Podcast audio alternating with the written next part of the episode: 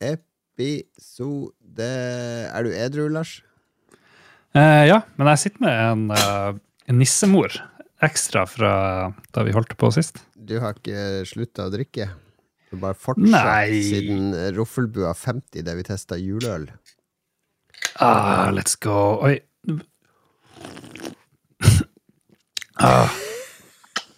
Mm, smaken av juleøl. Skumma litt, så du måtte skynde deg å ta den opp, og så fikk du litt Mm. i halsen. Og Ja. Jeg tror ikke nissemor var min favoritt. Husker ikke. Jeg vet ikke, jeg husker nesten ingenting fra juleøltesten vår. Eh, Alt ligger på video på Patrion for de som er uh, betalende Patrions. Eller så kan alle høre juleølsmakingen vår på to og en halv time, der jeg kjefter på Adrian stort sett gjennom hele episoden. Ja, hva, du ble litt sånn uh, irritert på ham. Jeg husker ikke hvorfor det. Eh, nei, det er jo ikke egentlig irritert på Adrian, men han er en person som det blir fort mye humor av å være litt irritert på han, for han stresser, og så kan du stresse han litt mer ved å si litt sånn enkle ting. Så blir han enda mer stressa, og det er, det er comedy. Som, det blir det veldig inside baseball, men eh, Frank Tor Johansen og Adrian, er det noen likheter eh, Nei, der? veldig få. Veldig få. Veldig få. Ja, Ja. Frank er ikke Jeg vil si Adrian er litt mer pretensiøs enn Frank. Oh, ja, ok. For Adrian kan Mm. være sånn som hvis vi har tatt et bilde av han der han ser litt tjukk ut, så kan han si at det skal ikke legges ut på Discord. Og da blir det jo lagt ut på Discord med en gang, selvfølgelig. uh, ok. ok. Greit, greit, greit. Hvor det går med deg, min venn? Er du frisk? Jeg er frisk, jeg er rask. Jeg, jeg har vært ute og jogga flere ganger. I min, sånn minus 13 og minus 14 i Oslo nå, så jeg har vært ute og jogga i sprengkulda her nede i sør. Og sykle Holy. til og fra jobb i sprengkulda. Eh, så jeg er helt i toppform nå. Så bra. så bra. Jeg går og har vondt i et kne. Jeg tror jeg har knegd om det før. Jeg har sånn atrofi i musklene i foten. Det betyr at musklene bare forsvinner. Oh, ja.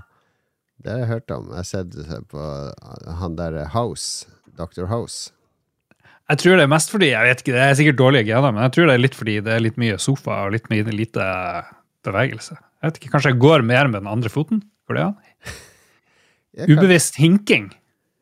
Uh, ja, det kan jo være det. Uh, eller hva sier Driver ikke du og går til kiropraktor? Jeg går til uh, Jeg gikk til kiropraktor, nå er det fysioterapi som er tingen. Jevnlig. Så Ja. jeg har fått øvelse, da, men det er så kjedelig. Nå er jeg litt lei Du må jo gjøre trening. det. Jo, jeg må gjøre det. Men jeg må Ja. Jeg trener, jeg trener bare to ganger i uka for tida. Jeg klarer liksom ikke å motivere meg til mer. Det er noe bedre enn ingenting, da. Ok, ja, Sutring er noe av denne episoden her nå. Ja, nå, uh, jeg har uh, jeg, Det har vært så mye julebord eller julemiddager og sånn den siste uka. Jeg har liksom Mm. tre kvelder der jeg har vært ute og spist med jobb eller Oi. kolleger eller sånne ting. Og nå er jeg lei. Nå er jeg, lei. jeg vil hjem Hæ? og spise grøt og fiskekake og eh, Grøt er julemat. Jo, jo, jo, men jeg er lei av å gå på restaurant med kolleger. Ja. Det er hyggelige kollegaer, det er ikke det, det. men det er eh, Det begynner å surre over i hverandre, ikke sant? For det er to glass Mm. vin, eh, eller en øl, så er det to-tre retter som regel. Og så er det jo hyggelig, og det er jovialt. Man har vært på jobb hele dagen, og så skal man ut og spise og drikke, og så kommer du hjem i ti halv elleve-tida, og så er du på jobb dagen etter, og så ok, da er det hjem, og så dagen etter Nei, det var en ny greie. Og nå Jeg har én igjen før jul, og så er jeg ferdig med alle disse Det høres veldig utakknemlig ut, merker jeg nå. Eh, ja, det er litt sånn ilandsproblemer. Men hvor mange ganger har du spist ribbe nå, for eksempel? Uh, det har jeg ikke spist ennå. Jeg er ikke Oi! glad i ribbe. Jeg har spist pinnekjøtt én gang, og nei, vi, vi går ikke ut og spiser sånn derre tradisjonell julemiddag. Det gjør man jo ikke. Man går jo okay. på en eller annen restaurant, eller jeg, vi var på et hotell her og Men det, det jeg prøver å si, er at kan ikke det her spres utover hele året? Hvorfor er det sånn at Mhm. eh, desember ja, da skal vi ha 100 millioner avslutninger og gå ut med jobb og kollegaer og ditt og datt. Og juni, da skal vi ha det. Eh, Når, vi skal ha juleavslutning, vi skal ha sommeravslutning. Det går an å gjøre sånn her i f.eks. for eksempel november, som er verdens kjedeligste måned ifølge internett. Det er den mest grusomme måneden. Gjør sånne okay. ting i november. Gjør sånne ting i februar, når det er mørkt og kaldt. Eh, I stedet så skal Ja. man liksom dytte mest mulig i de ukene før jul, og alle som har unger, vet at det er mye som skjer også er- ellers i de ukene før jul. Ja. Det har vel noe med at når det er jul og nyttår, og sånn, så er det jævlig mørkt. ikke sant? Og det er trist, så vi trenger noe å glede oss over. Det er jo like trist i januar, da. Ja, jo. Jeg, jeg hører det høyt og klart. Men plukka opp at du ikke er noen fan av ribbe. Jeg har aldri likt eh, ribbe noe særlig. Det er helt greit. Helt greit. Hvilket dyr kommer ribbe fra? Jeg, I mange år, helt til jeg var 25, trodde jeg det var fra en fugl. jeg, jeg, hadde ikke så bevisst forhold til mat. Det var liksom brød og Nugatti visste jeg var, og så ørret hvis det var en fisk, for det fikk vi hver torsdag. Og egg, det kom fra høna, det, det likte jeg veldig godt. Og så spiste jeg ikke så mye pannekaker. pannekake. Det ante jeg ikke hvordan var, var for noe. Det var en sånn røre som pappa lagde. Jeg, så hvordan han hadde egg og mel og sånn oppi. Men jeg, Mm. jeg har aldri skjønt det med at du kan bare putte masse rare ting oppi en uh, bolle, Mm. og så røre litt, og så heller du det på uh, noe varmt, og så plutselig blir det en pannekake. For meg er det helt magi. Altså når jeg ser Ja. på sånn Jeg elsker å se Masterchef Australia og sånne ting. For for meg er det helt det er, det er rocket science, det de står og driver med. Jeg skal bare lage Skal flambere en sånn Jeg skal lage en sånn saus. Lage saus fra bunnen av, det er helt umulig. Det har jeg aldri gjort. Det, Aldri det, det, det er jo fremdeles det artigste i verden, egentlig, at du trodde at eh, ribbe kom fra en fugl. Det, Ja, det er fordi jeg er en idiot når det gjelder mat. På mitt første utdrikningslag, jeg husker du hva som skjedde der. Ja, ja, ja. Jeg skulle identifisere grønnsaker, jeg hadde ikke sjans. Squash og Det som var, og sånn. det som var helt genialt, det var at vi var på et sånt auditorium på Blindern. I sånn enorm formell setting skulle du identifisere ting. ja, men jeg er helt idiot på mat. Eh, Jeg klarer jo knapt å koke spagetti, liksom. Mm.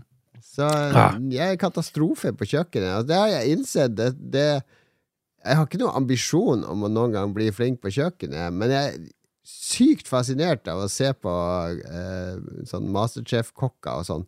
Som jeg, jeg, jeg, jeg, Det kommer aldri til å få til noe som ligner på det der. Du var jo alenefar en del år. Hvordan var kostholdet da? Du hadde en sønn, du var alene. det var eh, Jeg, jeg klart, lærte å lage noen ting. Det var uh, fiskekake i brunsaus. For du kan lage brunsaus med sånn pose med sånn pulver, Mm. og så har du noe vann i. Koke det opp, Mhm. og så bare dumpe fiskekaken oppi. Det var det ganske ofte. Altså joikakake òg i brunsaus kan du lage på samme måte. Så var det alltid med sånn Mills potetmos til. Eh, Den er veldig god til å lage. Herregud. Det er vann, altså litt smør, og så koke opp, og så er det oppi det pulveret, og så melk, og så bare rør rundt. Da blir det bra.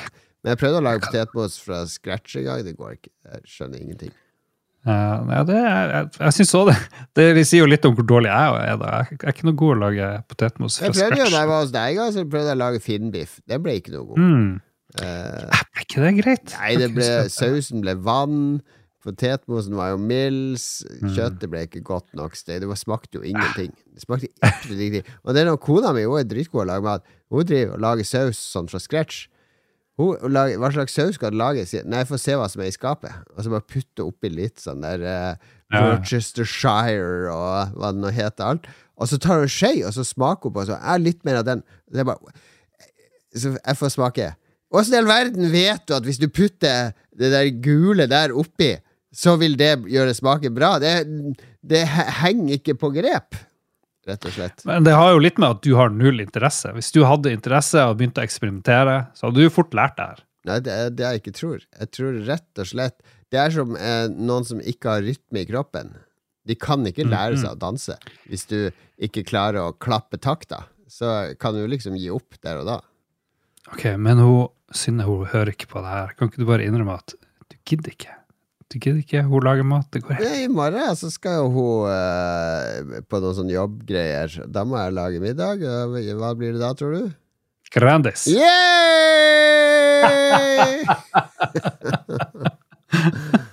Jeg ser jo det er jo litt godt, da. Ja, Syns du jeg godt? syns faktisk Grandis er litt godt.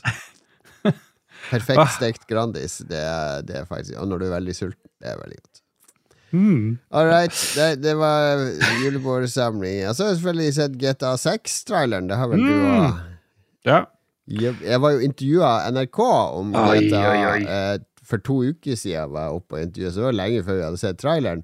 Men de var liksom eh, De skjønte at de skulle lage noen stories rundt den traileren, og så trengte de en spillekspert! Der ringer vi Du drev og kommenterte før du hadde sett traileren! Ja, Det er en slags juks. Det, det ble intervjua om GTA-serien generelt, da, om det popkulturelle, og hva forventningen til den nye traileren er, og hva fallhøyden er. ikke sant? Og Det er sentrale personer som har slutta. Dan Houser, han Laszlo. eh, De som har vært med siden starten og definert storyene og manusene, de er jo borte. Det var en tredje sånn senior writer også, som forsvant nå i høst. Mm. Så det er, det, det er ikke helt det samme Samme lederne som det har vært før. Men uh, jeg syns jo den traileren leverte definitivt. Uh, det, det var jo andre bekymringa mi i den saken, var jo hvordan parodierer du et land der en sjaman har invadert uh, Kongressen og det, hvis du spiller GTA eh, 4 eller 5 nå, og hører på radioen og ser på de karakterene og sånn, det er ikke så langt unna sånn som det er i USA nå, faktisk. Det er farlig nært sannheten. Men det- nå blir jo han Trump å vinne valget, tror du ikke det? Jo, jo, altså, det landet er jo en GTA-parodi, så jeg, jeg var litt usikker på hva, hvordan skal de parodiere dette ytterligere. Men det ser jo ut til at for det første, de setter jo i Florida, og det er jo det perfekte Den perfekte staten til å, å, å sette det i, for der skjer jo alt det absurde og rare i, i USA.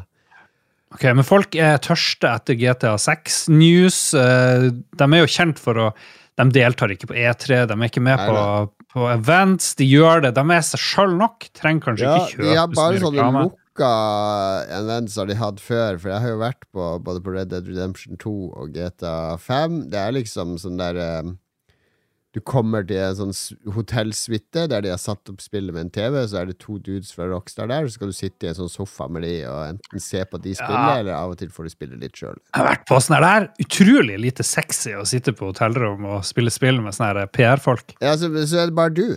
Det er aldri mer enn én journalist eller influenser i rommet. Det er kun du og Rockstar. Og det, det det, De fleste har sånn her gruppe på fire som skal inn, ikke sant? fordi de skal være litt Mm. effektive og få det ut det mest mulig. Men her er det sånn Nei, det er kun du.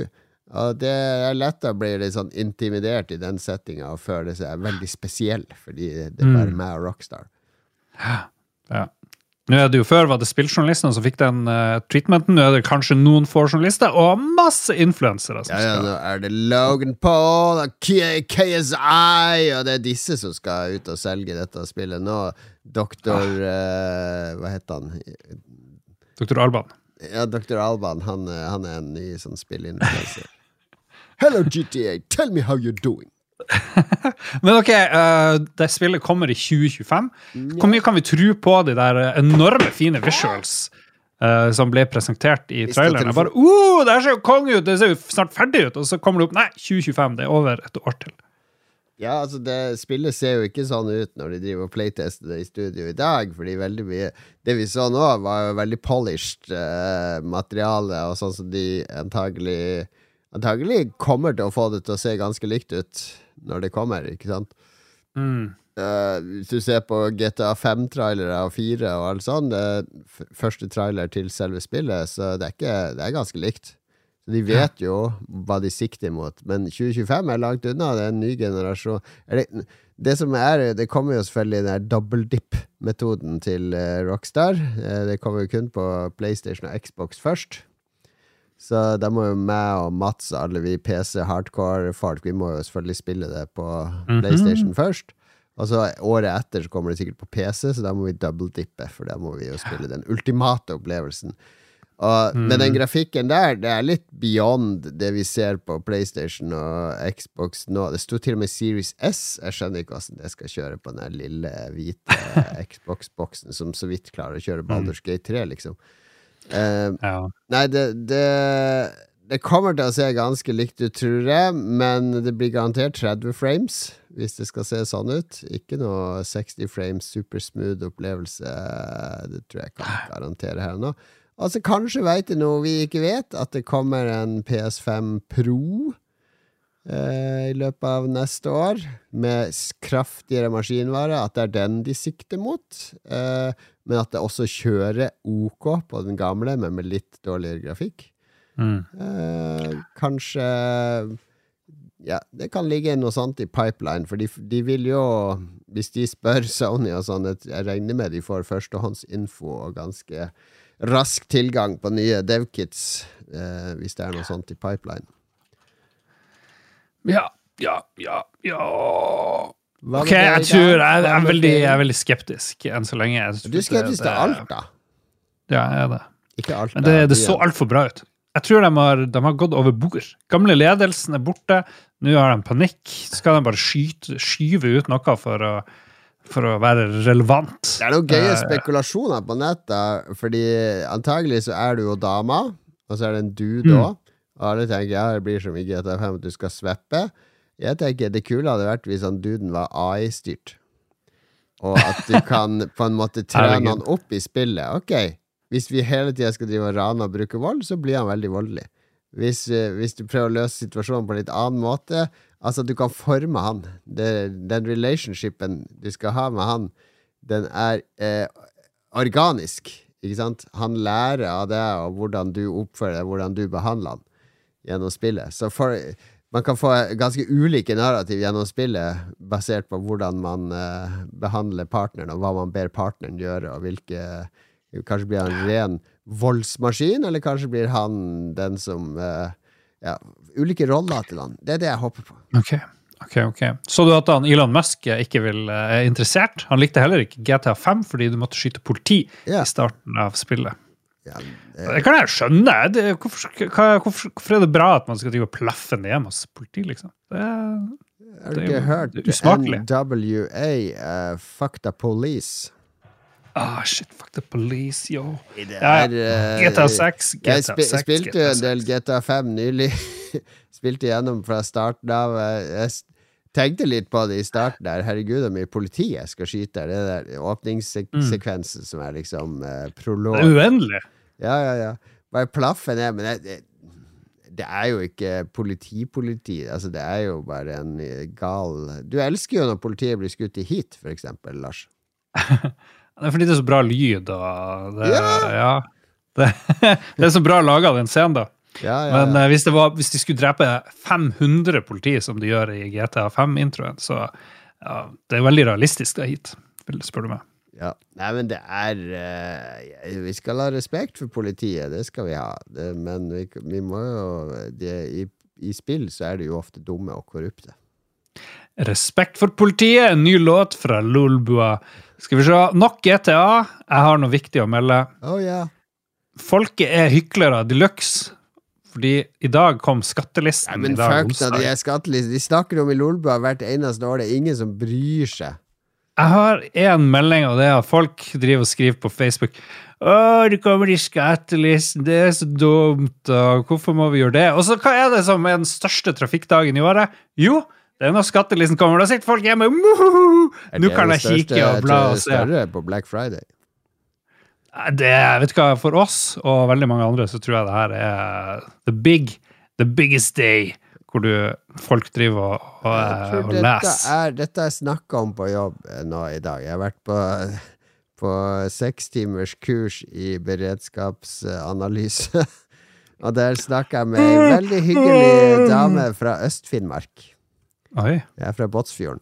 Uh, mm -hmm. så Jeg bodde i Oslo i 30 år, da, men uh, vi bonda jo umiddelbart på Nord-Norge, ikke sant? Og så prata vi Mhm. om For hun flytta tilbake til eh, Finnmark uh, i 20, 2000, start, ja, midten av 2000-tallet, bodde der i to år.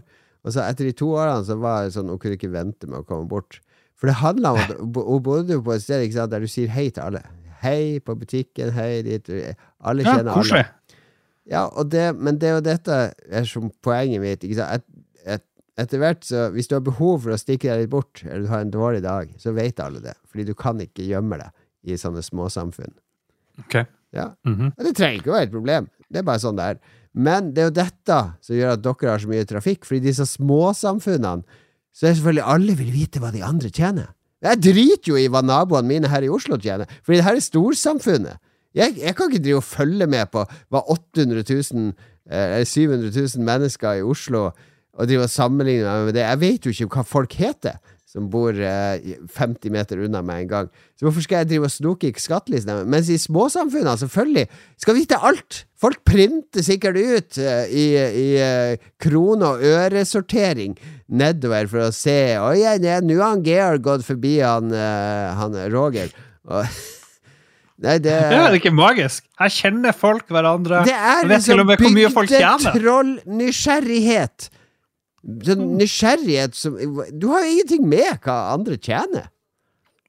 Jo, det er jo eh, Det skaper et tryggere samfunn. Her vet jeg Ja, det er i offentlighetens interesse at pressen passer på. Det er ikke i offentlighetens interesse at han eh, Roger eh, Larsen, uh, uføretrygda, skal sitte og, og ske, sjekke hva alle tjener i blokka hans. Du skal vite hvor mye folk tjener for å vite hvordan samfunnet er. Hvor mye tjener Du kan vi finne ut nøyaktig hvor mye legene tjener, hvor mye sykepleierne tjener, hvor mye lærerne tjener. det- blir de satt Den eh, statistikken eh, leverer fagforeningene deres, og det er også offentlige tall. En, eh, en lege som jobber på sykehus, han er en offentlig stilling. Jeg kan bare be om innsyn i hva den legen tjener. Mm, jeg tenker det handler om at vi har et transparent samfunn hvor ikke ting holdes hemmelig, og hvor vi kan diskutere det meste åpent. Også hvordan uh, lag av samfunnet som prioriteres. Hvor mye tjener Hvorfor liksom legger vi ikke ut uh, legninglistene hvert år, så vi kan sjekke den seksuelle legninga til alle i samfunnet? Fordi legning er noe du velger sjøl. Lønna blir du prakka på av en arbeidsgiver, og du kan bli utnytta i det groveste. Tom for argumenter! Nei, det er jo Hvorfor legger vi ikke argumenter. ut skostørrelseliste? Eh, transparent, viktig. Sagt dine ansatte kan jo sjekke hvor mye du tjener, så kan de finne ut det ja, kan de hvor jo mye sett, tjener jeg. jobber i kommunen! Det er offentlig! Det er offentlig hva vi tjener, det er jo ikke hemmelig. Ja, men hvorfor skal ikke folk som jobber i det private òg vite om de eh, tjener bra på den ene arbeidsplassen, men den andre, andre arbeidsplassen i, i nabobyen eller ved siden av oss, de har mye bedre lønn. Her må jo vi eh, hive oss rundt og, og skal ikke la eierne stikke av med alt, f.eks. Nå driver de og utnytter oss. Det kan du finne mye ut av gjennom gjennom Ja, gi, meg et, gi meg et konkret eksempel på at det blir brukt på den måten. Det blir brukt sånn på hele tida. Akkurat nå så driver folk og sjekker hvor mye tjener kvinnelige arbeidere i den bransjen versus eh, de eh, mannlige. Hvor mye tjener folk i den bydelen, kan du se, og i alder. Alt mulig rart. Det er det- kjempemye god journalistikk. For statistikere så er det gode materialer for å lage gode statistikker. Men for han Roger Hansen i blokk 33 i Grønnblokka i Harstad, så eh, det er jo ikke han som skal sitte og lage denne statistikken. Men nå er det jo ikke sånn at, uh, at alle sitter og sjekker alle. Det er jo stort sett sånn toppliste. Her er de 100 som tjener mest. Og så må du liksom identifisere deg sjøl, eller kan man søke anonymt? Hvor er du på den lista? for Hvor mye tjener du, Lars?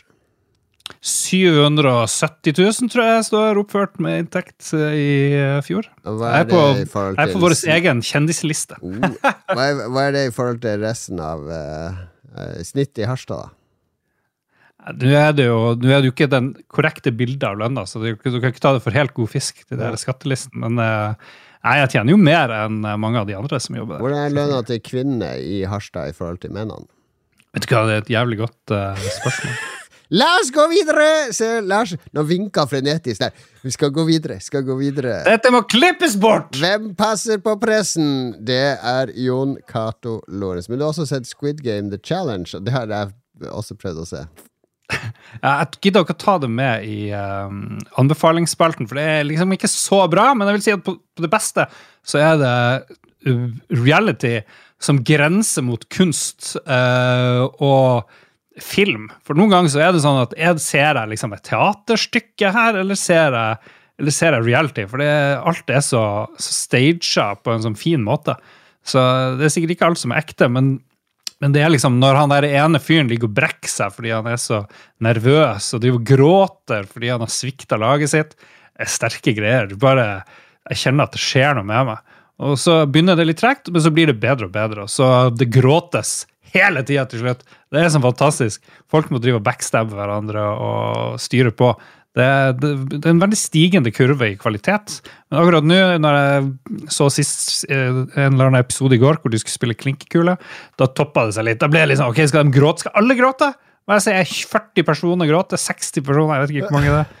Jeg, jeg så bare en episode, og jeg, jeg bet meg merke i et par ting. For det første så er det jo, det er jo basert på en, en TV-serie som parodierer samtiden vår, ikke sant? Desperat Mm. jakt etter penger, folk er i, i gjeld og i krise, og eneste måten å komme seg ut på det, er å sette livet på spill, ikke sant? Eh, konkurrere alle mot én. Eh, bra sci-fi-setting, og så syns jeg de når jeg ser intervjuer med de folka som er med, så er det sånn jeg trenger pengene til å betjene huslånet og sånn. Uh, ok, det for, for noen år siden så var gameshow sånn eh, Kom på kasino, ikke sant, så kunne du vinne penger så du kunne dra til Disneyland, eller spandere en ferie på familien, eller kjøpe en fet ny bil. Det var liksom sånn Yes, penger, litt ekstra luksus. Nå er temaet penger for å klare, klare seg i samtiden. Eh, hun ene fortalte hun hadde skulka jobben for å være med. Og ulønna permisjon, for hun fikk ikke fri fra jobben. Og Mm. jeg ble bare, jeg ble bare trist av å se For du ser jo at det er jo, er jo ikke øvre middelklasse som deltar på det her. Det er uh, uh, lavere middelklasse og under som det, trenger pengene, rett og slett. Jeg er med fordi de trenger pengene, og det er jo derfor det begynner å grine også, fordi det det er den amerikanske drømmen som blir knust. Jeg syns det var helt tragisk, det programmet. Ja, de tar det veldig alvorlig. Etter hvert så griner de jo fordi de er veldig glad i hverandre. Fordi det, jo, det, det blir jo som et fengselssamfunn. De Ja. sperres jo inne i denne verden og går i fengselsklær og sover i samme rom. og Det er så mye penger på spill. Hva det er 40-50 millioner kroner de kan vinne og sånt. Ja, det er noe sånt. Eh, Så danner de sånne klikker. Og dynamikken der er ganske spesiell. Jeg har ikke sett noe lignende eh, i noe program. Kanskje sånn Big Brother-aktig ble de liksom Jeg så syns det burde slutte med at alle som var med, får 10 000 dollar hver. Sosialismen sier det. Det hadde vært en bra slutt. Ja. Men det er ganske unikt i reality, så jeg anbefaler folk som liker god reality eller interessant reality, sjekke Squid Game The Challenge. Er noe forkastelig søppel, vil ikke anbefale dette til min verste fiende.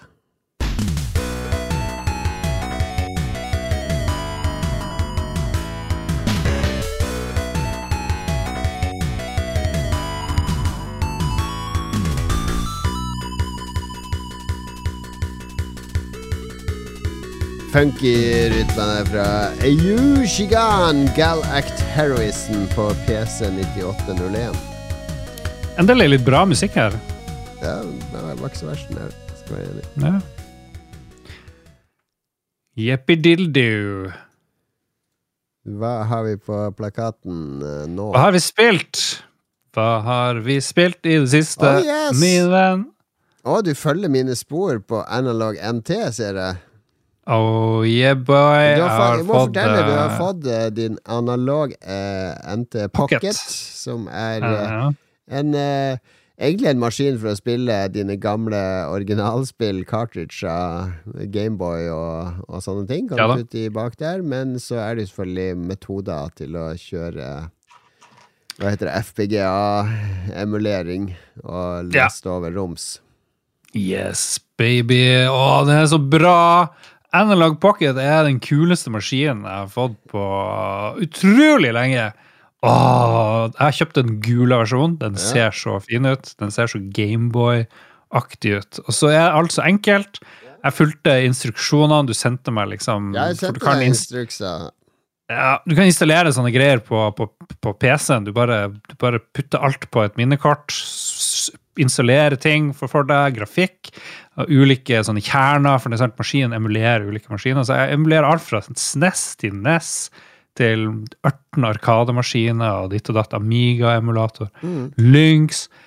Jeg for med en gang og lasta ned Pokémon Pinball, men, og det er helt fantastisk. Jeg har uh, oppdaget, jeg trodde jeg bare hadde spilt pinballspillene uh, Pokémon Pinball til Gameboy Advance, men jeg har også spilt masse til Gameboy Color. Fordi Gameboy Color er jo maskinen som bare uh, gir og gir. Utrolig mye bra spill der òg. Så nå. Så nå er jeg i gang med Zelda Oracle of jeg tror det er Ages. Jeg tror jeg Ja, ja, ja, ja, ja for jeg, jeg spiller jo Seasons. De, disse, Ja, er jo, ok. eh, disse er jo eh, Spillene er jo brødre, søskenpar, da. Ja, ja, men da kan vi linke og utveksle Oh, ja. ringer. Oh, ja. Så det blir gøy. Um, og det må jeg si det er flott. Masse bra eh, Gameboy Color-spill, men det finnes jo også sinnssykt mye Gameboy Advance-spill. Jeg tror Gameboy Color og Gameboy Advance er noen av de beste maskinene uh, som finnes, sånn med type spillvariasjon. Og, Ja, og så er det jo eh, Kanskje spesielt Gameboy Advance har den der eh, gode retro-pixel-estetikken, sånn at selv spill som er middelmådig, føles ganske bra. Eh, Ja. Fordi de ser såpass bra og fresh og nostalgisk ut. Alt ser perfekt ut. Det er den ideelle grafikken på noen som helst maskin. det er der. Alt ser ut som det er et metal slug-spill. Ja, ja, ja. Nei, men Oracle of Ages uh, faller det i smak? Jeg er litt mye knot med at du bare har to knapper, og hele tida driver og Ja. bytter hvilken item du skal ha. Det er, det er en drawback med disse håndholdte Zelda-spillene. Ja, det er litt knotete, eh, men eh, gi meg god feeling, altså. Eh, Som gameplay-messig så er det kanskje ikke å, 100% Mye gåing, mye trøing frem og tilbake. og sånn, men, men god stemning, masse artige Det er jo de der templene, eller de her dungeonsene, eller hva Ja, det heter, ja. hvor du skal utforske og løse puzzles. Det er jo liksom det artigste. Ja, det er gøy. De er alltid gøy i.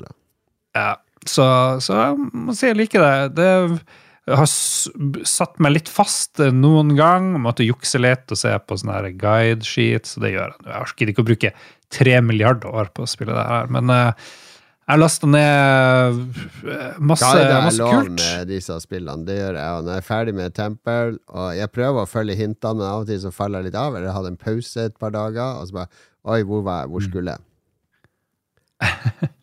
Ja, ja, du må, skal vi se. Jeg har, ikke jeg har ikke installert så mye. Jeg har installert Gunstar Superheroes. Ser fantastisk bra ut. Ja. Metal Slug Advance, og så er det Pokémon Pinball, og så er det Super Mario Advance 4.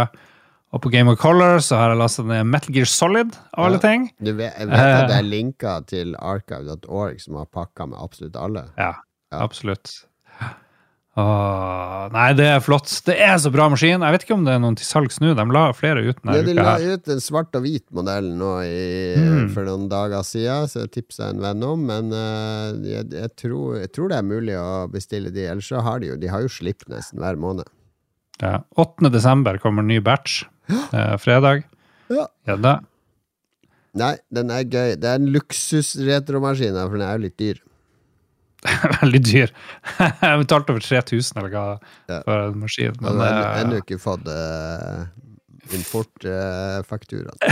Nei, jeg har ikke det. Det er ok 4000 med stand, da. Så det det ja. er kanskje ja, sikkert 5000 til slutt. det blir, blir, det blir en PlayStation 5 til slutt. Men, Men den er fantastisk! ja, den er veldig god kvalitet, og den skjermen er så god. Og også den oppskaleringa når du kjører den på storskjerm. Det ser fresh ut, selv på 80-tommeren din. Holy fucking shit, hvor bra det der er. Bra. Jeg har spilt uh, to, to uh, ting jeg kan dra frem. For i går, uh, eh, eh, samtidig, samme dag som GTA 6-traileren kom, så slapp eh, noen et spill som heter A Highland Song, som jeg har fulgt litt med på. For jeg så at det spillet fikk eh, ni av ti i siste Edge. Og det er jo for meg er sånn Ok, ni av ti Edge, det er fortsatt spill. Det, det sjekker jeg ut. Uh, og det er laga av uh, Inkle, heter de som har laga det. Uh, de er kanskje mest kjent for eh, 80 Days, hvis du husker det. Mm, nei, hva er det for noe? Det var et sånn eh, narrativspill på eh, mobil, eh, der du liksom skal reise jorda rundt på 80 dager og må ta masse valg i byer, du får nye ruter Ah. og items og sånn.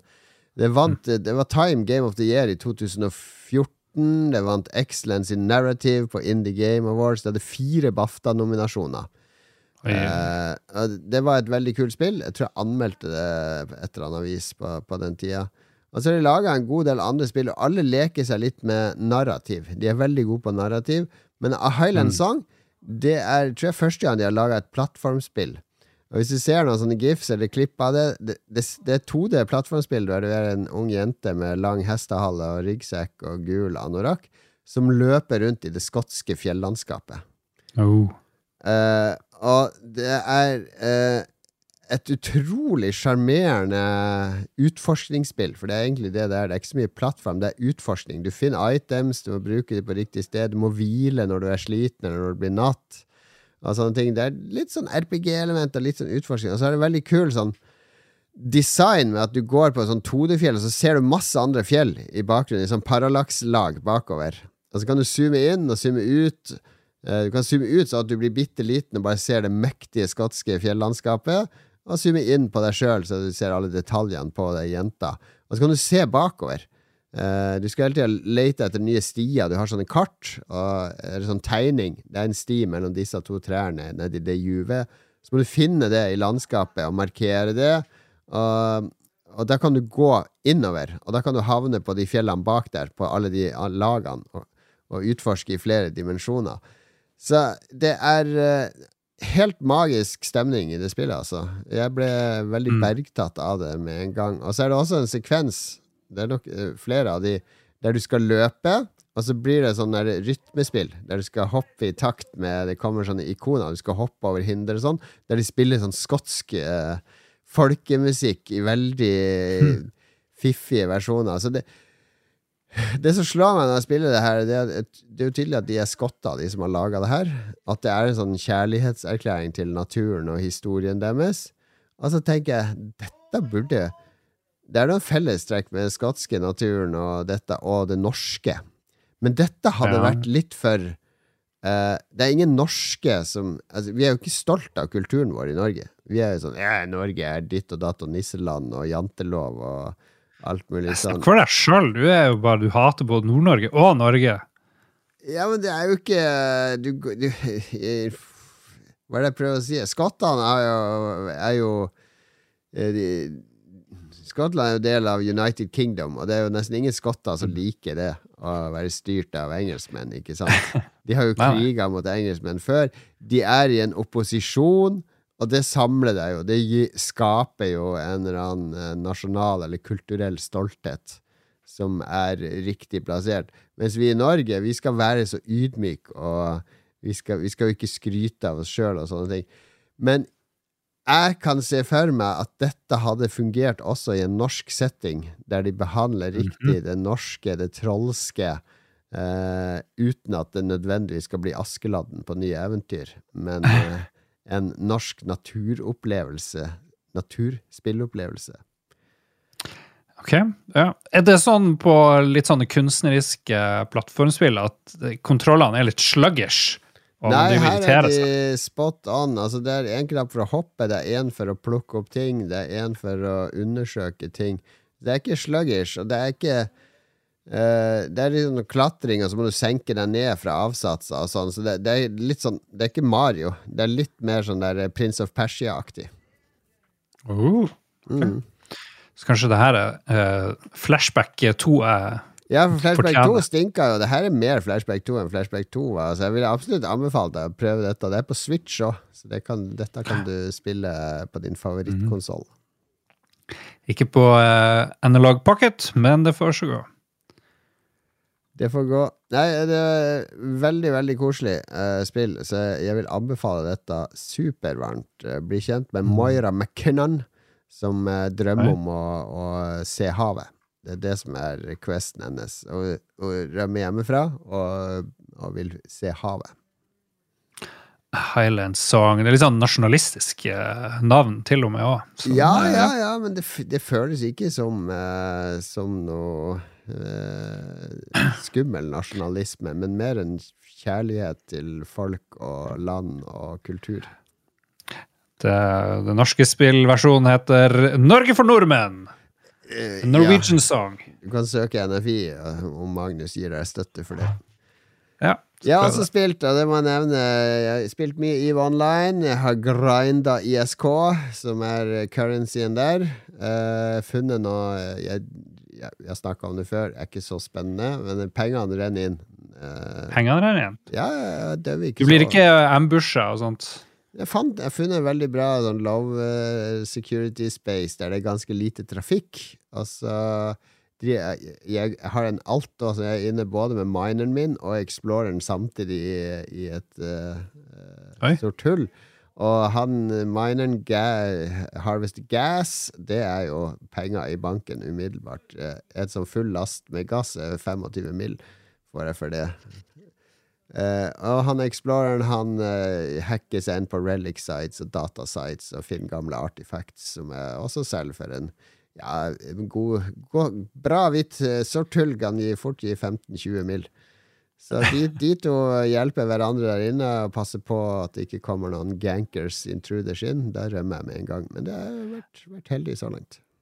Hva ville Neil deGrasse Tyson sagt om at dere drar inn i sorte hull og sånt? Er det Han er veldig- eh, sikkert uh, poste en eller annen gørrkjedelig tørr tweet eh, som ikke er morsom i det hele tatt. Han prøver å være morsom.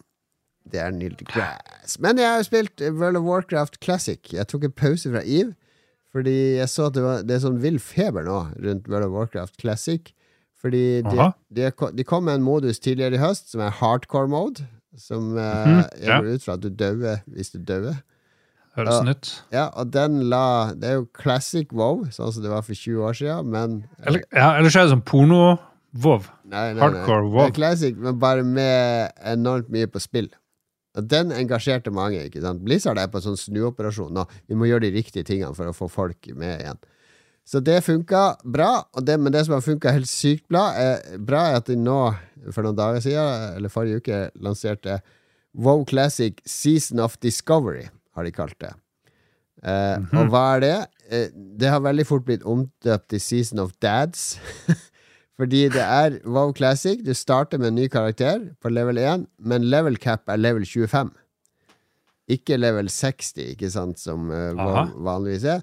Level cap er 25, og underveis, når du grinder deg opp med klassen og rasen din, så kan du finne sånne runer som du kan implementere på forskjellige plagg eller våpen, som gir deg ekstra powers. Så det, du har en sånn her eh, måte å konfigurere kar karakteren din Plutselig kan en warrior heale, for eksempel. Eller sånne type Altså, en bryter litt med de archetypene og de skillsettene som er satt. Uh, You are men- losing me fast! Nei, men det, det at du bare skal til level 25, og der er det endgame content, der er det timanns-raid. Nå har jeg deg på kroken igjen. Raid. Ok, raid. Ja. Eh, Show me the raid. Det at det bare er level 25, det gjør at folk umiddelbart har døpt det her til Dad. Season of Dad. For dette handler om å få alle pappaene som nå er på min alder, som spilte WoW da de var unge, som er på vår alder, tilbake i spillet, for dette er overkommelig. Dette er ikke en toukersinvestering for å komme opp på level 25, og så sette av mange, mange timer på å finne en raid-gruppe på 25 stykk som man kan gjennomføre et raid.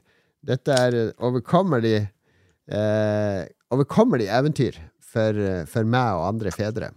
Så det, det har blitt altfor populært. Serverne var jo totalt overbelasta når det ble lansert, med mange timers ventetid. Jeg har fulgt med i discorden til X-Men, som er Dag Thomas og Mats sin opprinnelige discord.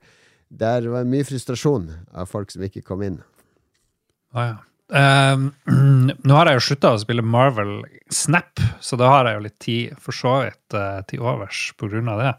Tror du WoW Classic er noe for en som aldri har spilt WoW? Det der Season of Discovery-driten? Ja, det er jo classic wow, så det, det er ikke noe som holder deg i hånda her. Altså, det er veldig mm. sånn der Kartet viser ikke hvor questen er, eller hvor du skal når du What? gjør questen. Ja, du må lese quest-beskrivelsen. Ja, er nord for der, og sånn. Så du løper rundt der til du finner noe, og Mhm. sånn. Jeg syns jo det er forfriskende, fordi det er ikke som å spille sånn mobilspill, så du bare holder deg i hånda. Alt du trenger å gjøre, er å sveipe. Sveipe, sveipe, sveipe, så klarer du det. Ja. Så jeg, jeg, tror du kunne likt det. Jeg tror du burde prøvd. Mm. Vi får se, vi får se, vi får se. Vi må videre! Ja, vi må videre. Hva skal vi høre på nå, Lars? Nå skal vi høre på eh, noe Tekken-musikk. Ja, nesten. eh, Makai Fukatsu heter dette.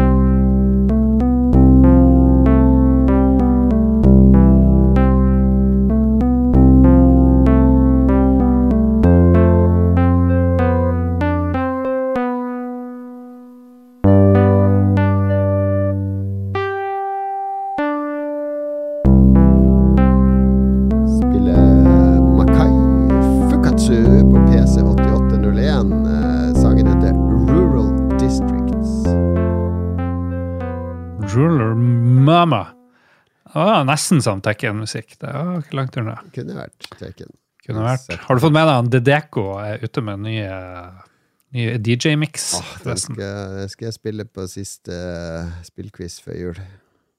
Så høyd, høydepunkt. Hva heter det for noe? En eller annen Det var noe musikk der. Bare, bare likte det med en gang! Han er så flink, han der brasilianeren. Ja, det er det. Ok, vi er kommet til utfordringen. Kjapp Ja, det utfordrings... sant, eh, Fordi nå skulle- nå vi skulle spist chilikule. Ja, jeg kjøpte den først i dag, men jeg kjøpte vinstyrke 15 Oh, chilikuler, de sterkeste som fins. Ja, Så de skal du kjøpe, og så prøver vi det neste uke. Okay. Prøv det neste uke. Vindstyrke 15. Jeg skal finne det. Skal vi ta en pause? Trenger vi noe mer utfordring enn det? Eller skal vi- jeg har en, men Jeg vet ikke hvordan vi skal få gjort Jeg få har en sånn ekstrem utfordring. Vet du hva, jeg skal gi deg en, eh, en challenge. Jaha. Eh, nå som vi begge har analog NT, vet du. Det heter ikke Nlog NT, det heter Nlog Pocket. Eller heter det NT òg? Jeg er veldig Eh, usikker. Tror det er bare? Pocket. du kan gjøre uh, uh, Vi må finne, bare finne et spill å utfordre oss i. Et spill utfordres i. Ja, ok. Og det er gøy. Men vi, treng, vi, må, vi har chilien, så vi trenger ikke en ny challenge akkurat Ja. denne gangen. Så har vi hockeysveis og bonsai-tre. Ja, hockeysveisen den de- vokser så bare det. Yes. Og eh, Ok. bonsai-tre har jeg som sagt funnet hvor jeg skal kjøpe det. Men jeg, jeg tør ikke å kjøpe det før jul, for vi skal jo bort eh, i romjula og sånn. Så jeg tenkte å kjøpe det på nyåret, og så stelle Ja. det fram mot sommeren. Ok, det går bra. It's allowed. Bra, bra. Det var den eh, spalten. eh, Rett og slett en oppdatering på challengen. Eh, det blir altså Chili Challenge neste episode.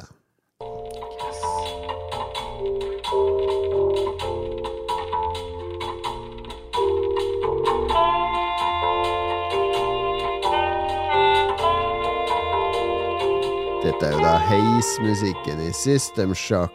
System Shock-remaken. Ehm, skal vi se Vi er på 1987. Tre episoder på rad, i hvert fall. Og nå Ja. er vi kommet til august 1987. Nå har vi fått uh, mye fart i uh, 1987-spalten vår. Den holder koken, syns jeg.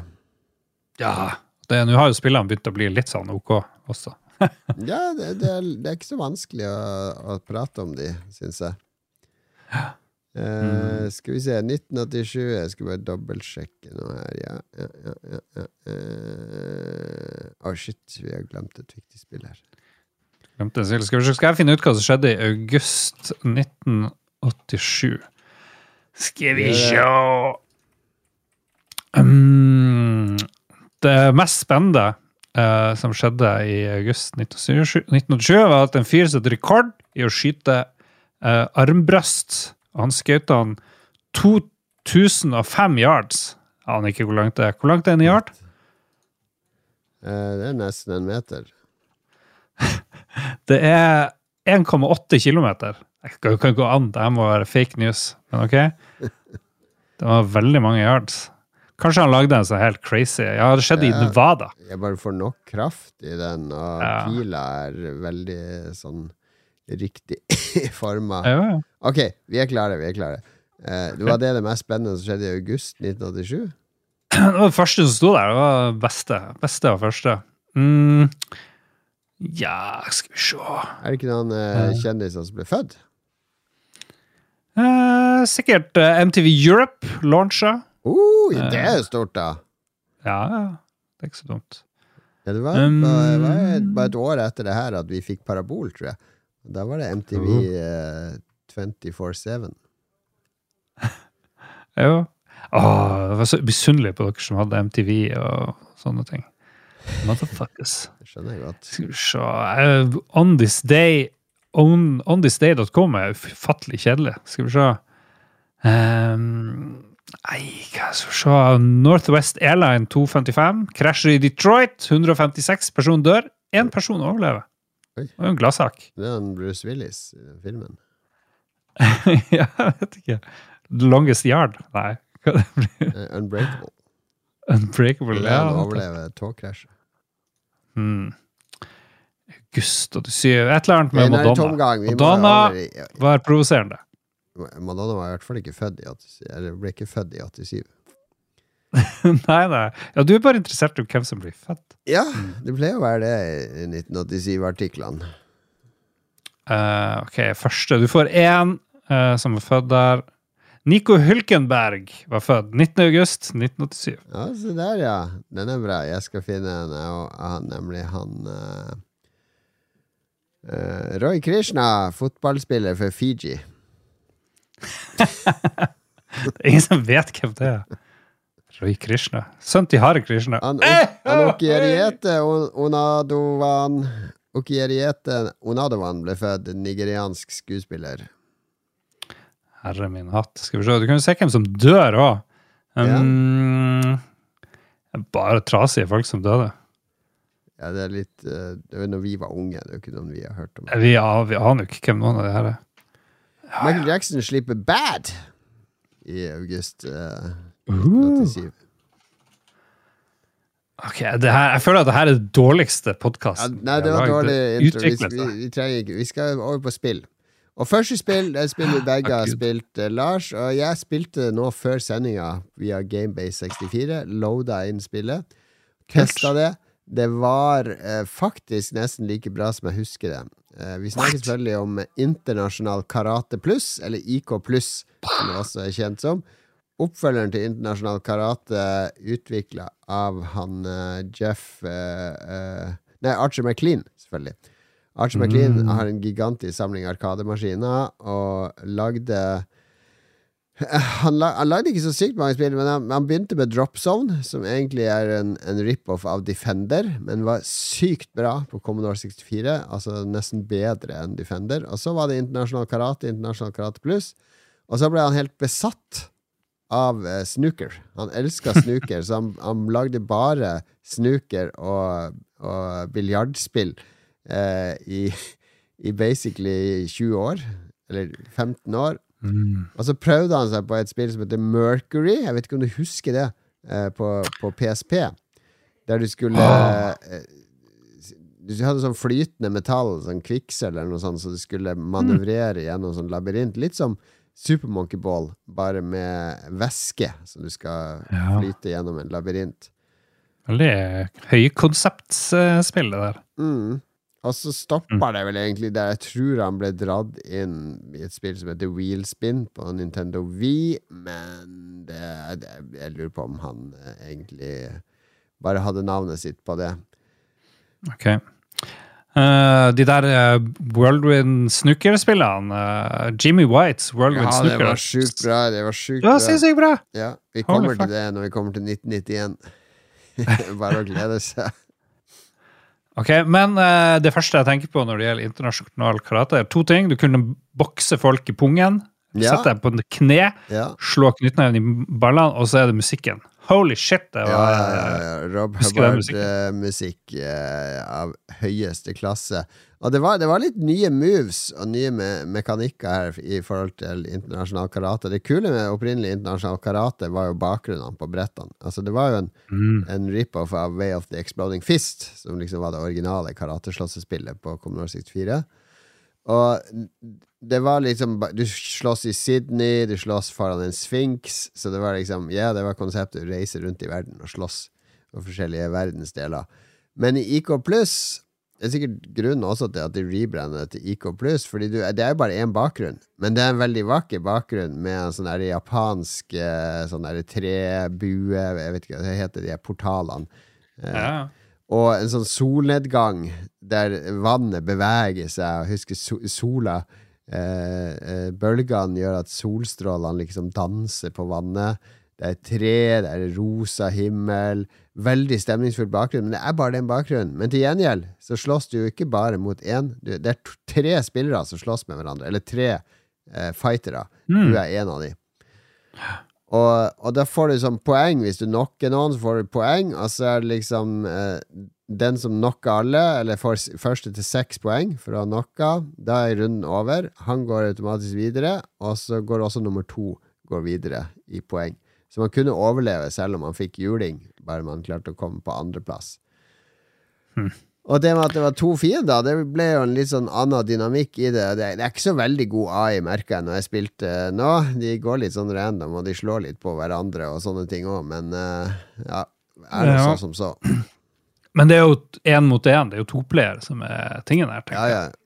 Og, og så, du har noen nye moves i forhold til vanlig IK. Det er ganske god kontroll. Altså Utnytte de åtte retningene på joysticken bra. Det er ulike moves, avhengig av om du trykker inn knappen eller om du bare tar den opp på skrå. Eh, og du har også et move eh, Du kan skalle fiendene. Den er veldig deilig. Bare skalle de ned. Åh, Den hadde jeg glemt. Det andre jeg hadde glemt, det var bonusspillet. Husker du det? Du skal bounce sånne baller. Ja, du står i midten av skjermen, og så har du et skjold, og det kan du liksom løfte opp til høyre, midten til høyre eller nede til høyre, og samme på venstre side. Og så kommer det sånne baller sprettende inn, flere og flere, fortere og fortere.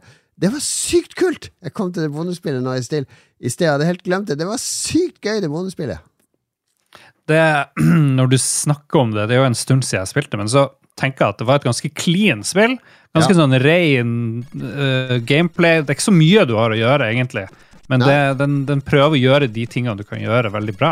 Og det, det liker jeg. Ja, det føler meg I den settingen jeg føler meg som en karatemester når jeg spiller det spillet og, og alt det der. Og så, musikken var selvfølgelig prikken over i-en. Rob Hubbard i toppform.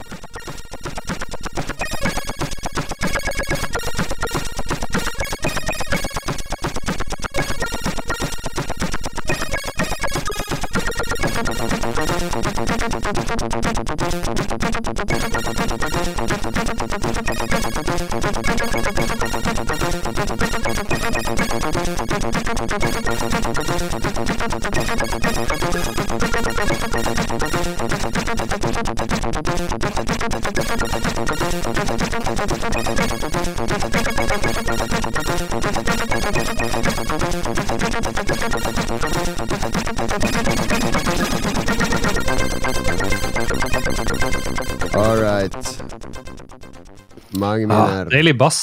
Mm. Nei, det er flott. Nei, men det der, eh, det, Vi trenger ikke gå videre i denne spalten i dag, faktisk. Det, jeg tror det, det kan Jeg ikke bli bedre enn det. vi må videre, men vi skal holde oss i fightespillsjangeren, eh, Lars. Og til ah, ja. starten på det som kanskje må vel sies å være verdens største fightespillserie. Verdens mest kjente fightespillserie. Den som starta det hele. Shoryuken!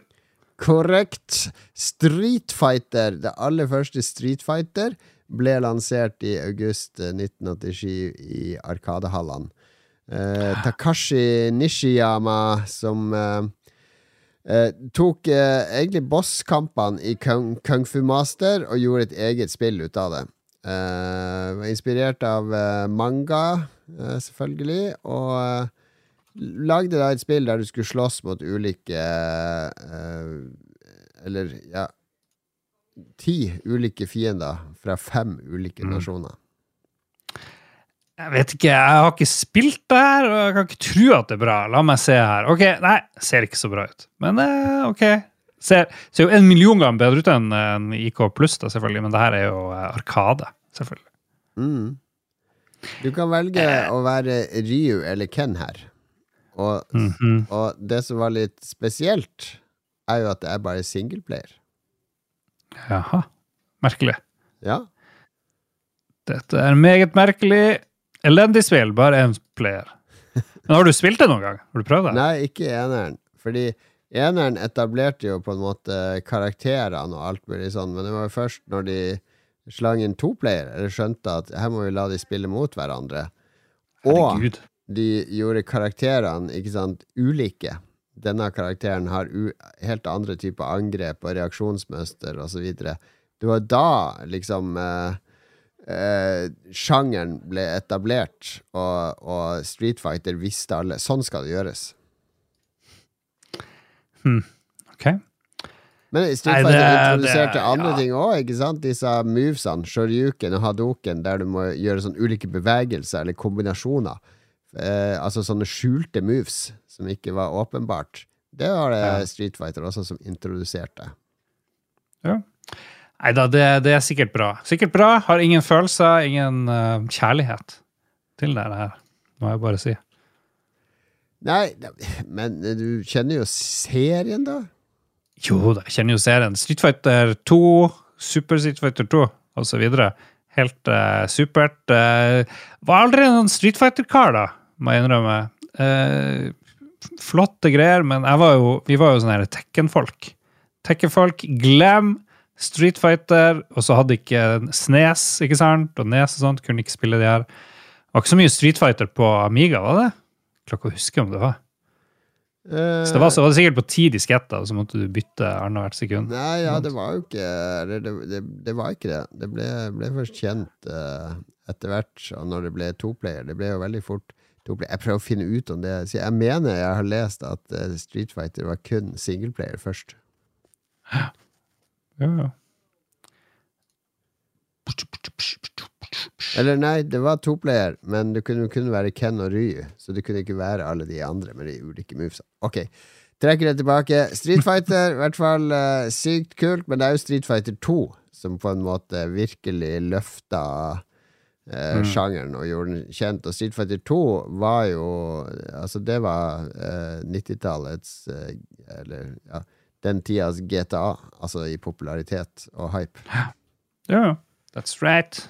That's right. Det korrekt. korrekt Vi kan jo høre en sang fra Street Fighter 1. Eh, hvilken vil du høre, Lars? Vil du høre han Joe fra USA, som er kickbokser? Eller Mike fra USA, som er bokser? Uh, kickboksing. Mye kulere. Ok, vi sjekker ut Joe sin låt.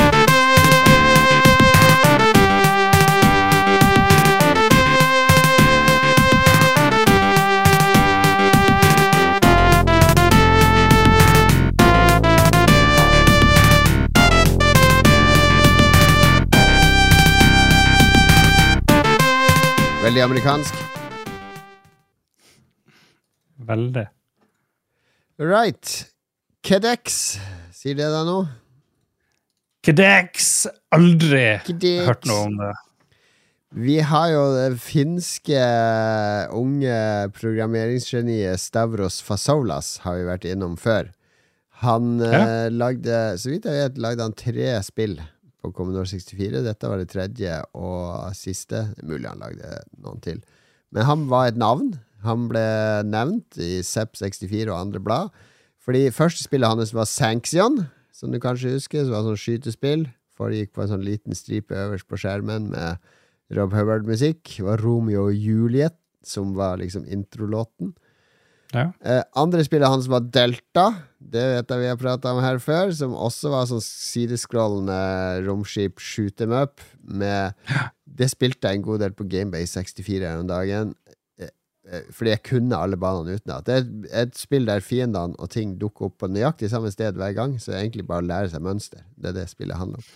Men med magisk Rob Hubbard-musikk inspirert av uh, kunstneriske filmen Kuya Nasquatsi fra starten av 80-tallet.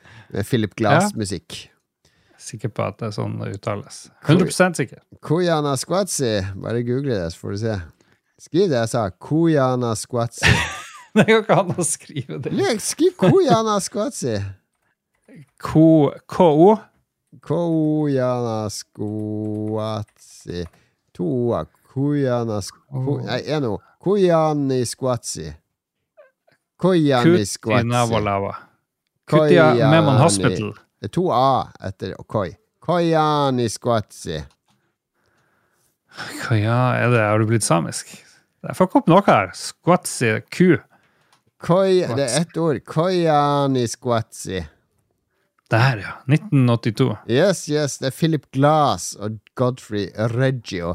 Så det er en veldig kunstnerisk film som bare filmer verden, og så er det musikk oppå. Det filmer det, det, Sånn film må røyke et eller annet før du går på, eller, eller ta etter, svelge et eller annet. Vi skal ikke si hva. Vi skal ikke promotere sånt her. Lars. Chili Claus, Chili Balls, da. Ja, nei, det, det tror jeg du sliter på den filmen hvis du tar en, en, uh, en skål med chili balls på styrke 15 før du ser Koyana Squatsi. Ok, men det her relaterer til Nei, ja, det var delt av det. Fordi Kudex er hans tredje spill, og nå tror jeg han var litt lei av å lage skytespill der du scroller til sida, for det er de to første han lagde. Så Kudex uh, heter egentlig Eller KDX er forkortelse for The Quest for Ultimate Dexterity. Altså Quest uh. og Dexterity. Og er et spill der du styrer en kule, en slags gigantisk klinkekule, i ulike labyrinter og brett der du skal gjøre forskjellige oppgaver. Uh, Ja. Du skal kjøre over ruter som blinker, for eksempel, fortest mulig, eller du skal følge piler, eller du skal finne veien ut av en uh, labyrint, du skal teleportere, du kan hoppe mellom ruter. Uh, så det er liksom ti sånne planes, som det i spillet, som, der du skal mestre de challengene på hver plane. Uh, og mm, jeg, liker, jeg likte dette spillet veldig godt da det kom. Jeg prøvde å spille på nytt nå på Gamebay 64. Det er sykt uh, upresis kontroll, da. Det er det som ødelegger. Men det, det, det her kunne fungert i en remake, selve konseptet, med å styre en kule gjennom ulike typer challenger. Mm. Den her eh, longplayen jeg ser, der driver han og, og, og spiller ganske bra, altså. Men jeg vet ikke om kanskje han jukser eller noe. Ja, det, Men det ser ikke lett ut. Nei, Det det ser er, ut som det er en svær maze, og så må du navigere så fort du klarer. Og navigere veldig bra, liksom. Det er det som er poenget. Ja, ja, ja. Uh, men det, det, det var eh, Det som var litt kult, da, dette spillet, coveret, er en dude som holder en joystick. Altså en sånn Commodore 64-joystick. Så det er, litt, det er litt sånn metaspill med at dette er et spill som skal utfordre din presisjon. Eh, altså, det, det er ikke en story om en kule. Det er liksom laga som en uh, dexterity challenge for deg som Commodore 64-spiller. Eh, og det det var litt uvant å bli liksom adressert direkte på den måten av et dataspill. For dataspill skal liksom lure deg til å tro at nå er du i den fantasiverden i kongeriket Sork, og det er en trollmann, og bla, bla, du er en kriger. Eh, Ja. Nå var det liksom Oi, det er meg. Så hvis jeg ikke klarer det her, så det er jeg som er fuck up. Det er jeg som Det, Ja, det ble litt mer personlig. Ser veldig bra ut, da. Si, eh, det, det holder seg Det bra, er det fin spillet. stil, Sånn- fin stil. Vanskelig å styre, men det, det er veldig originalt. Det var veldig originalt da det kom. Skilte seg ut fra alle shooters og platformers og alt annet som dominerte på denne tida. Og ganske kul musikk av Matt Gray òg. Ikke min favoritt, Matt Gray, men han leverer for så vidt her.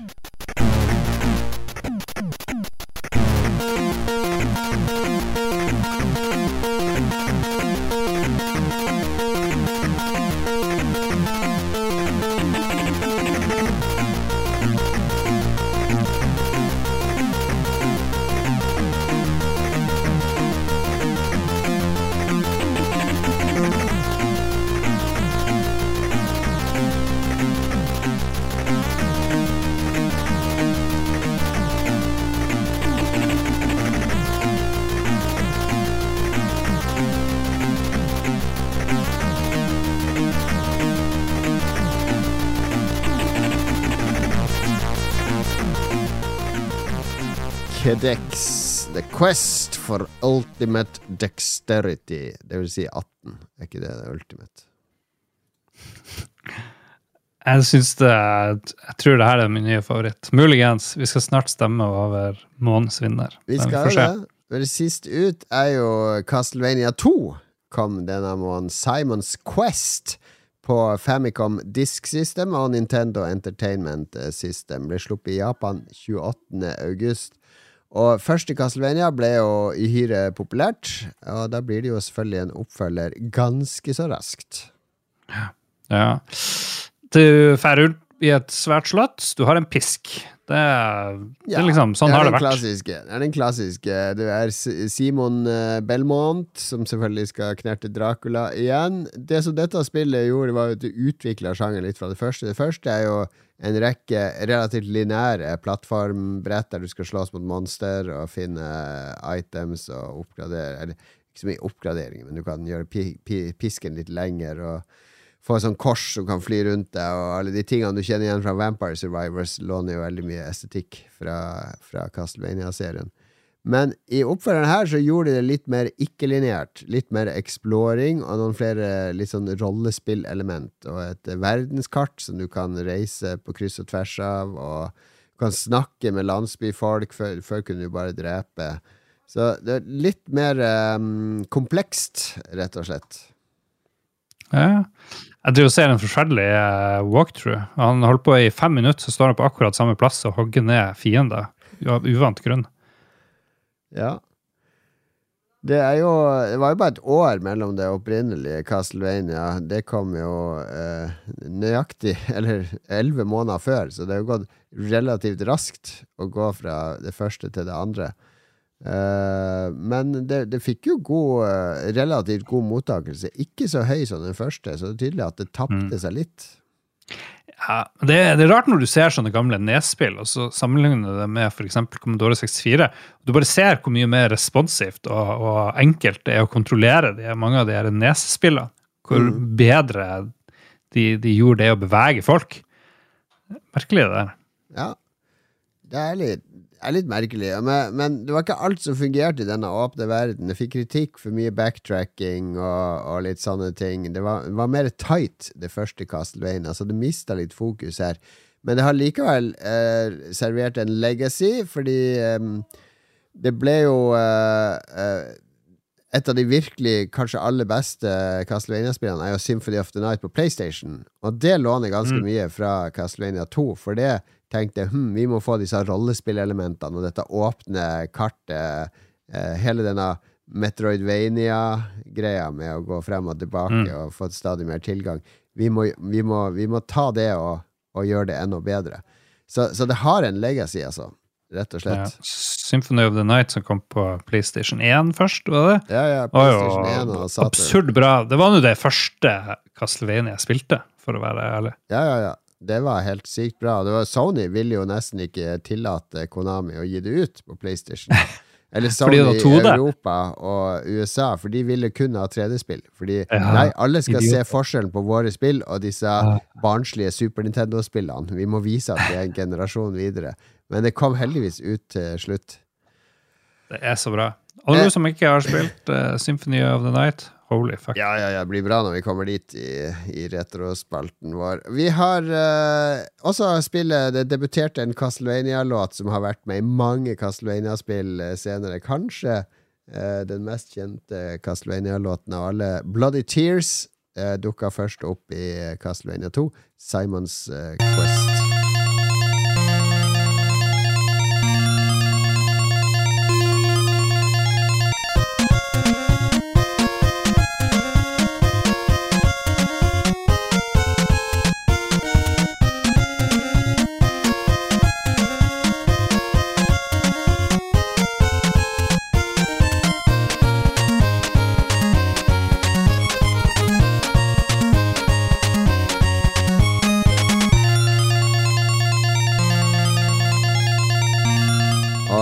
Fire spill, Lars, er det vi har å, å dømme.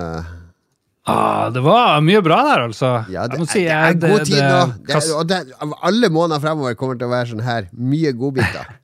Jeg håper lytterne òg. Vi, vi får jo ikke så mye feedback fra lytterne lenger, men det er jo fordi vi orker ikke lytterspalten. Har du har vi, helt, vi må få tilbake lytterspalten, tror jeg. Eh, men, eh, men gjerne gi oss feedback på om dere syns denne spalten fungerer. Vi prøver å gjøre litt research. Var kanskje litt eh, snublende denne gangen, men jeg, jeg spiller mange av disse spillene som research og sånne ting. Eh, jeg syns det er veldig gøy å, å gjenbesøke spill. Jeg prøver andre spill jeg ikke har prøvd før, for å vurdere om de skal være med i denne spalten. For, for meg gir det mye glede, så du blir ikke kvitt den spalten. Men si gjerne fra om du hater den eller elsker den. Uh, skal vi se. IK pluss, Street Fighter, Quick Quacks Quacks eller Castlevania 2. Ja. Jeg syns alle her kunne vært verdige vinnere, faktisk. Ja, Street Fighter det, Man kan jo ikke skyve under så mange stoler at det ble eh, OK stor serie. Men nå har jeg null erf... eh, aldri spilt det. Aldri vært i nærheten av å spille. Jeg har nesten ikke sett screenshots, fordi alle screenshots begynner med Street Fighter 2. Ja. Og det er liksom satt stilen for hvordan det var. Alle har glemt Street Fighter 1, ser det ut som. Ja, det er litt uh, sånn prolog uh, som uh, Altså, det som Tarantino. De fleste kom inn på Pulp Fiction. Mens noen av oss var litt sånn hardcore, og så Reservoir Dogs først. Ja, absolutely. Mr. Pink. Skal vi se Ja, det, det Jeg syns, det er mye bra.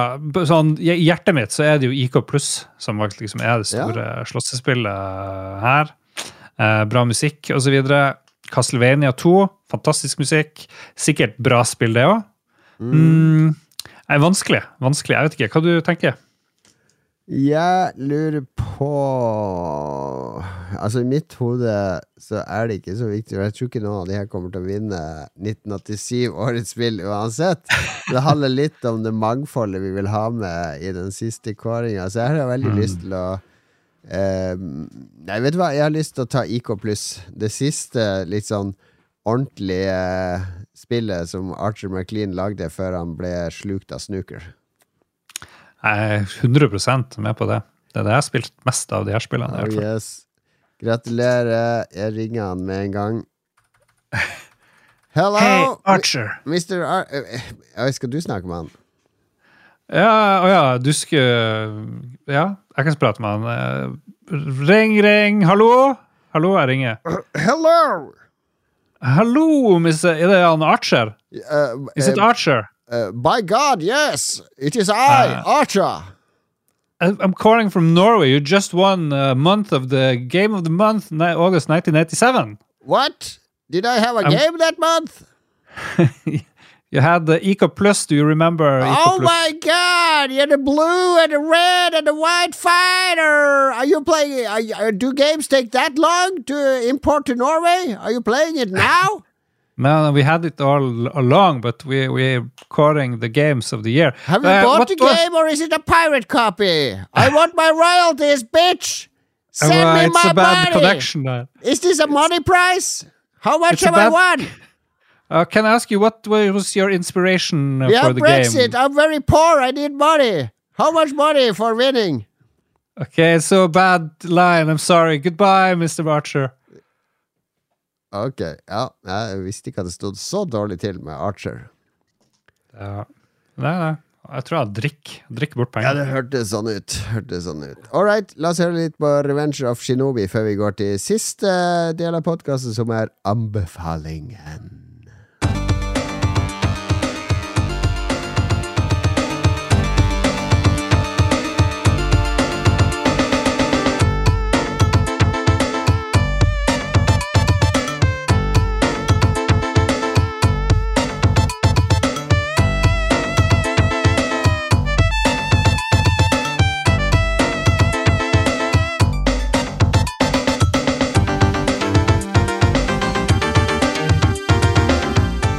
En del fet musikk på Sega Megadrive òg. Ah, nice. Det her var groovy. Ja, det var groovy som shit. Revenge of Shinobi uh, remastered eh, versjon finner det på downloads.khinsider.com finner du all musikken vi har spilt. Inside your mother. Ja, det er Kingdom Hearts Insider er det det står for. Litt kjedeligere. Jeg vet, ok, anbefaling! Jeg skal anbefale noe kontroversielt. Eh, fordi vi var på internseminar med jobb. Det var en av disse middagene. Veldig hyggelig middag med musikkbingo osv. Men eh, dagen etter så var eh, Noen skulle kjøre buss tilbake, men jeg hadde en av de som jobber for meg, han hadde bil, for han skulle rett på Kiel-ferga. Men så var han eh, litt medtatt etter kvelden før. Han var litt seinere i sengen enn meg. Så han var Jo kan, kan du kjøre bilen? Og så jeg bare, ja, ja, selvfølgelig, jeg elsker jo å kjøre bil. Uh, jeg var jo i seng relativt tidlig. Det er ingen problem. Etter seminaret var over, så ut på parkeringsplassen, og så var det en deilig, litt sånn halvgammel dieselbil eh, som han hadde stående. Deilig. Ja, fordi jeg er så vant til å kjøre elbil, og det er jo som å kjøre en sånn rumba støvsuger, ikke sant? Det, ja, men det er Trykker gassen i bånn, så er det sånn Det er ikke noe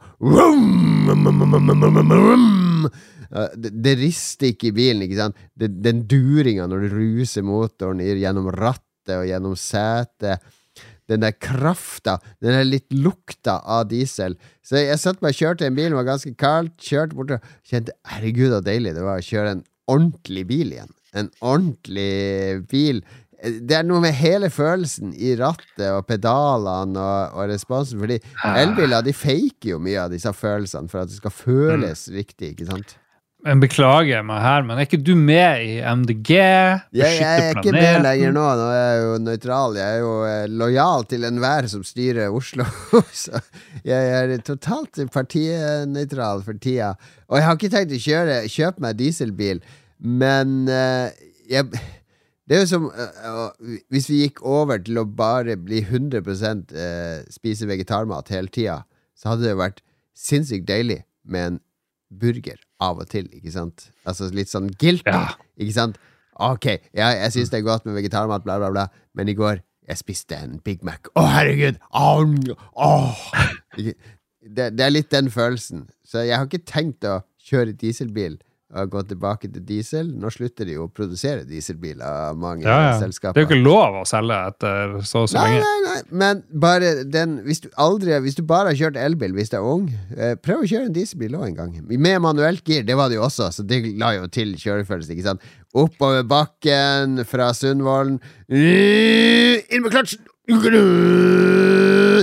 Og det, det med en gang du får det manuelle giret, det føles som jeg opererer en maskin. At jeg, at jeg sitter eh, Jeg har ferdigheter. Mine ferdigheter gjør at denne bilen går fram. Det er ikke bare å trykke på en knapp. Start. Altså trykke på én pedal og styre, sånn som det er med elbilene. Nei, nei, nei. nei, det var gøy. Kjør en dieselbil i ny og ne. Det er min anbefaling. Jeg er veldig, veldig ok anbefaling. Skal gi deg den. Det, jeg som ikke kjører bil, jeg som ikke har bil, jeg kjører bare bil Du, det er det hva jeg greier greia med. Jeg kan ta den her på tabben. Ja, ja. Fordi eh, når jeg er ute og jogger i Oslo Ja, dette har jeg sett hos deg òg. Så jogger jeg Mhm. forbi garasjene til folk. Og så står bilen utafor garasjen, og så er garasjen full av dritt. Hva er greia med at ingen har bilen sin i garasjen? For du hadde heller ikke, når du hadde bilen, bilen din i garasjen.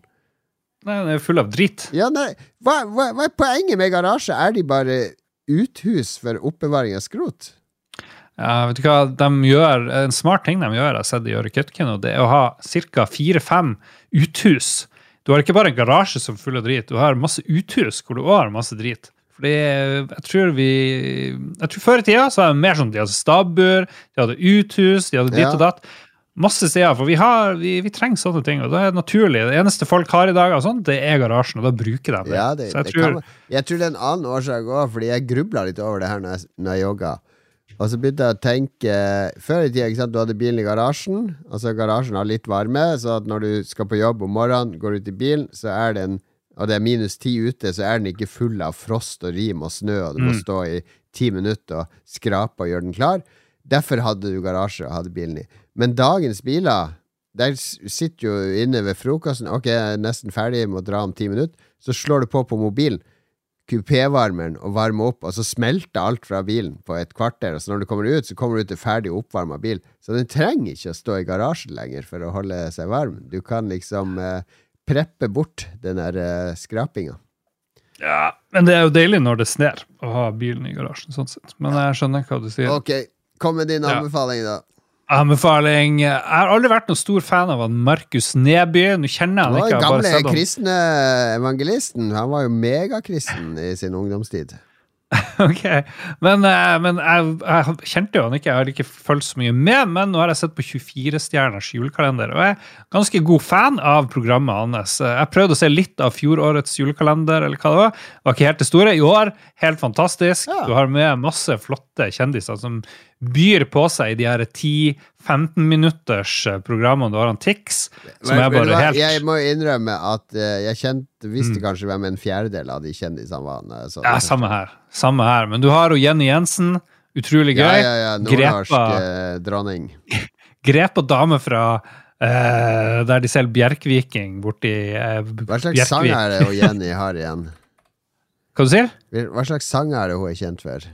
Uh, aner ikke. Det er det bandet eh, Septimus, er det ikke det? Ja, hun var med i sånn danseband og greier. Ja, de hadde Så- en, er ikke de som hadde den der uh, uh, Nei, men så tjukk du har blitt. Nå må du pinadø slanke deg litt. Du var tynn som ei høvelflis. Nå er du tjukk som en julegris. Er ikke det de? Det er sikkert hun. Ja, ja. Kjempekoselig. Veldig down to earth. Tix er med. Han er jo veldig down to earth på en sånn Ferrari og Rolex-måte. Og så har du han der uh, hopptreneren. Uh, Andreas Støkkel, veldig uvant å være i The Limelight. Helt topp å ha med i sånne greier. Masse sånn tilfeldige. Han er sånn hallofyr Nå kommer jeg på Jenny Jensen. Det er hun er der Nå må du pinadø vaske klærne dine sjøl! Jeg er lei av å fly i rute mellom brett og vaske fjøl. Det er Jenny Du har Jensen. eh, historie. Ellen Horn. Masse masse artige komikere som er litt sånn, er litt sånn nedpå. Det er ingen som er sånn der Å, se på meg. Tror du det ringte på oss, det? Hæ? Ringte det ikke på oss, deg? Nei, ikke okay. som jeg vet. Jeg vet ikke. Ja, ja, det babler nå. Katrine Flatland. Jeg liker alle som er med. Syns det er kjempegøy. De gjør sånne teite ting som å skal krølle innpakningspapir. Hvem klarer å få innpakningspapir? ikke innpakningspapir som skulle krølle, det, var jo deres det eh, snora. Så det, det der eh, båndet, Ja. var det ikke det? Båndet. Ja, Ja. skal få båndet. Hva jeg kalte det? Krølle innpakningspapir gjør alle, og pakke opp gaven. Krølle sammen, okay, okay. så kaster du oppi Det er snora. Det er snora. Beklager. Og de skulle også gjette priser. alt. Magnus Devold er med syns jeg er veldig artig. De skulle også gjette priser på ting. Det var ikke så spennende. Det var den dårligste, syns jeg. Ja, det var helt, jeg synes er helt kurant uh, underholdning. Altså, du har sett på det sjøl? Ja da, jeg ser litt med guttungen. Ja, Er det bare meg, eller er det veldig sjarmerende? Det er sjarmerende. Det har tatt seg opp siden i fjor, og han der Neby er jo veldig naturlig god. Uh, han har en god humor. Uh, Ja. det, det har han. Uh, det, er det er vanskelig å mislike Neby. Absolutt. Ja. Hvis du ser på vår discord med Harstad-folket, så er det jo en sånn hattirade mot det programmet nå, da. Men det er jo det er jo sånne gamle gubber som snart begynner å skrive dette på Facebook i stedet for Discord, så jeg tror bare vi skal distansere oss fra den Harstad-gjengen vår snarest. Oi, oi, oi. Herregud. Folk, folk, folk- skal være så sur. Vi eh, skal være sure hele tida. Det var det vi hadde for i dag. Eh, Neste uke må vi få den der uh, Ja, vi har en lytterspalte klar, men vi må bare ha litt tid. Ja, Men vi får det neste gang. Neste gang så skal vi ta en pause fra 1987-spalten. Vi må begynne med å tenke på Goti og avslutte året og litt sånne ting. Og da blir det lytterspalte. Mm. Kanskje vi skal be lytterne oppsummere Hva var høydepunktene deres i 2023? Dele høydepunkt. Og jeg og Ja. du kan ta fram høydepunktene våre. Det trenger ikke være beste spillet, men høydepunktene i 2023. Ja. Hva har det vært? Det er en Kjempeidé. Vet du hva, Apropos lytterspill, lytterspalt, vi må ta med at han Jarle Haktorsson for tre uker sa han er lei av å høre om, høre om kunstig intelligens. Snakk heller om IK pluss. Er- Ikke KI, men IK pluss. Han har fått, ja, Ah, den var god. Den var god. Ja. Han har fått ønsket sitt nå, eh, Ja. vår godeste. Jarle. han Jarle. Jarle. Jarle. det. Vi skal takke produsentene. Vi må takke de Mm. som at du annonserer de som Next Challenger som dukker opp i eh, Street Fighter. Oi, oi, oi. Please welcome TTMXMP Fight! Another challenger, Duke Jarlsberg. Crystal Lissaker Fatality. Get in the ring, Bjøslo. Hong Kong Hong! Det var sånn her japansk dame som sier sånne der ting. Du Det var kalte du for Hong Kong Hong nå? Ja, jeg sa, jeg sa feil. Jeg sa Hong Kong Hong. Det er bare Kong Hong. Beklager, Kong Hong. Beklager, Kong Hong. Uh, ok, takk for det. Høres igjennom en uke.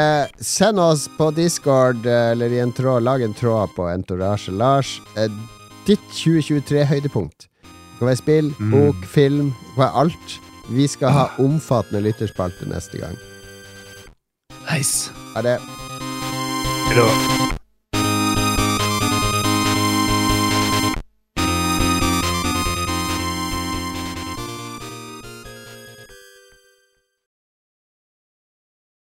Har du et enkeltpersonforetak eller en liten bedrift? Da er du sikkert lei av å høre meg snakke om hvor enkelt det er med kvitteringer og bilag i fiken, så vi eh, gir oss her, vi. Fordi vi liker enkelt. Fiken superenkelt regnskap.